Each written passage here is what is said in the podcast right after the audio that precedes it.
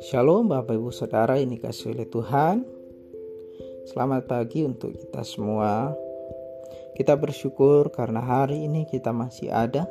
Semua karena kemurahan dan kebaikannya yang sungguh ajaib dalam kehidupan kita.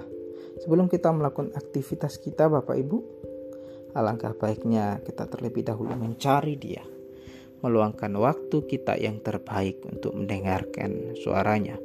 Mari kita berdoa. Bapa yang ada dalam kerajaan sorga, kami mengucap syukur Tuhan untuk perkenananmu atas kehidupan kami. Kami boleh ada itu semua karena kemurahan-Mu dan kami percaya Engkau punya rencana yang indah dalam setiap kehidupan kami. Berkati kami sepanjang hari ini. Engkau tolong setiap pekerjaan kami.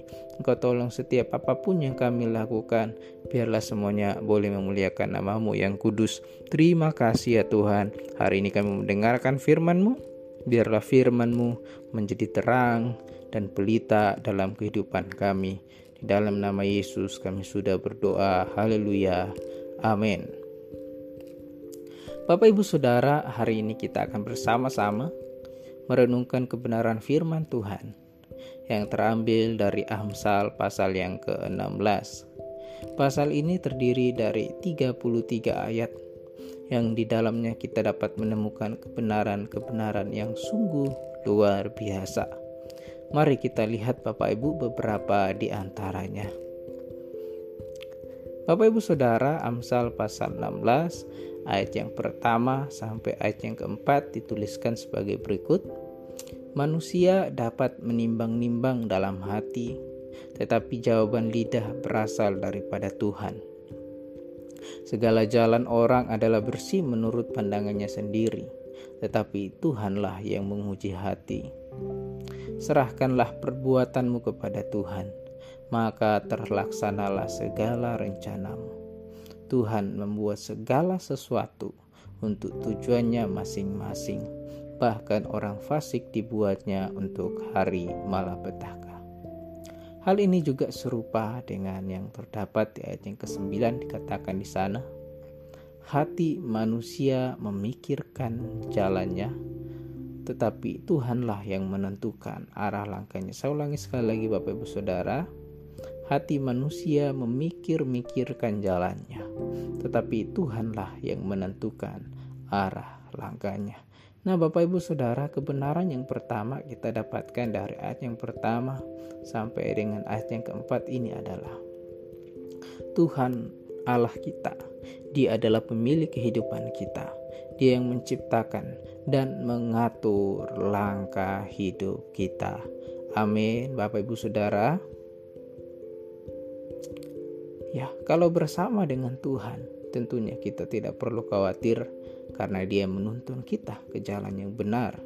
Tapi terkadang kita coba memaksakan kehendak kita. Kita berjalan menurut kebenaran kita sendiri. Kita menganggap, "Oh, ini yang terbaik untuk saya." Dan pada akhirnya kita menyesali keputusan itu. Tetapi tahukah Bapak Ibu Saudara, itu pun atas sepengetahuannya Tuhan dan segala sesuatu dalam kehidupan kita dapat dipakai olehnya untuk mendatangkan kemuliaan dan kebaikan untuk diri kita sendiri. Amin. Ya, bahkan sekalipun kita mendapati diri kita sudah gagal dan berulang kali mendukakan hati Tuhan, tetapi percayalah Tuhan yang pemilik kehidupan kita, Dia yang menciptakan dan akan mengarahkan kita ke jalan yang benar, asalkan kita mau dan mempercayakan seluruh kehidupan kita kepadanya. Amin, Bapak Ibu Saudara. Firman Tuhan ini juga mengingatkan kita bahwa dalam mengambil keputusan atau dalam melakukan apa pun itu juga itu adalah benar menurut kita sendiri. Tetapi belum tentu itu benar di mata orang lain dan terlebih lagi di mata Tuhan. Bisa saja apa yang kita lakukan itu baik di mata orang lain tetapi jahat di mata Tuhan. Sebagai contoh kita memberi untuk gereja itu adalah sesuatu yang baik karena kita mendapatkan berkat. Tetapi apa yang kita berikan itu dari hasil judi atau dari hal-hal yang tidak baik, tentu itu tidak benar di hadapan Tuhan.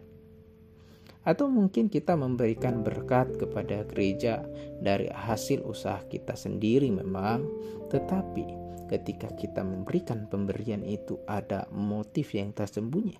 Salah satunya supaya dilihat orang lain bahwa kita memberi banyak dan itu juga adalah sesuatu yang tidak berkenan di hadapan Tuhan. Karena itu Bapak Ibu Saudara, yang terpenting dalam melakukan segala sesuatu, apakah itu memberi, apakah itu menolong, apakah itu bekerja dan banyak lagi Mari pastikan dan periksa hati kita terlebih dahulu dan menyerahkannya kepada Tuhan seperti firman Tuhan yang terdapat di ayat yang ketiga. Serahkanlah perbuatanmu kepada Tuhan, maka terlaksanalah segala rencanamu. Amin, Bapak Ibu. Kita lanjut Bapak Ibu di ayat yang selanjutnya di ayat yang kelima firman Tuhan berbunyi setiap orang yang tinggi hati adalah kekejian bagi Tuhan. Sungguh, ia tidak akan luput dari hukuman. Hal ini juga sama Bapak Ibu di ayat yang ke-18 dikatakan, kecongkakan mendahului kehancuran dan tinggi hati mendahului kejatuhan. Bapak Ibu, kebenaran ini mengingatkan kita agar menjaga hati kita dari namanya kesombongan. Kenapa kita perlu menjaga hati kita dari kesombongan. Karena firman Tuhan sudah memberitahukan kepada kita bahwa kesombongan atau tinggi hati adalah kekejian bagi Tuhan. Dan itu adalah awal dari kehancuran dan pasti akan mendapatkan hukuman dari Tuhan. Sebaliknya yang harus kita lakukan itu terdapat di ayat yang ke-6 firman Tuhan berbunyi. Dengan kasih dan kesetiaan kesalahan diampuni karena takut akan Tuhan orang menjauhi kejahatan dan juga terdapat di ayat yang ke-17 menjauhi kejahatan itulah jalan orang jujur siapa menjaga jalannya memelihara nyawanya karena itu Bapak Ibu Saudara mari kita hidup takut akan Tuhan dengan menjauhi kejahatan dan setiap hal yang mendukakan hati Tuhan. Amin, Bapak Ibu. Dan mari kita merenungkan kebenaran yang terakhir kita pelajari dari Amsal pasal 16 ini ayat yang 20 sampai ayat yang ke-24 firman Tuhan berbunyi Siapa memperhatikan firman akan mendapatkan kebaikan dan berbahagialah orang yang percaya kepada Tuhan. Orang yang bijak hati disebut pengertian, dan berbicara manis lebih dapat meyakinkan. Akal budi adalah sumber kehidupan bagi yang mempunyainya, tetapi siksaan bagi orang bodoh ialah kebodohannya. Hati orang bijak menjadikan mulutnya berakal budi, dan menjadikan bibirnya lebih dapat meyakinkan. Perkataan yang menyenangkan adalah seperti sarang madu, manis bagi hati, dan obat bagi tulang-tulang. Bapak, ibu, saudara, firman ini mengingatkan kita agar kita senantiasa memperhatikan firman Tuhan, karena orang yang memperhatikan firman Tuhan, saya ulangi, Bapak, ibu, saudara, karena orang yang memperhatikan firman akan mendapat kebaikan dan Bapak Ibu, orang yang memperhatikan firman disebut juga sebagai orang yang bijak atau orang yang berpengertian. Oleh karena ia belajar bukan dari dunia, bukan dari orang lain, tetapi ia belajar dari firman Tuhan yang memberikannya hikmat yang luar biasa. Amin, Bapak Ibu Saudara.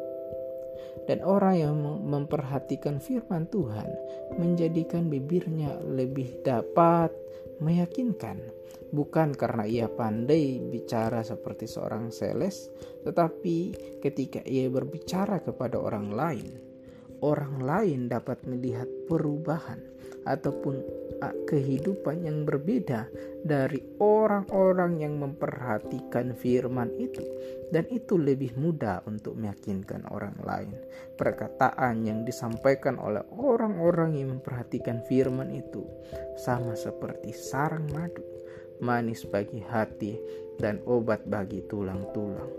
Nah, Bapak Ibu Saudara, hendaklah kita juga menjadi orang-orang yang senantiasa memperhatikan firman Tuhan dan terlebih melakukannya dalam kehidupan kita sehari-hari. Amin, Bapak Ibu Saudara.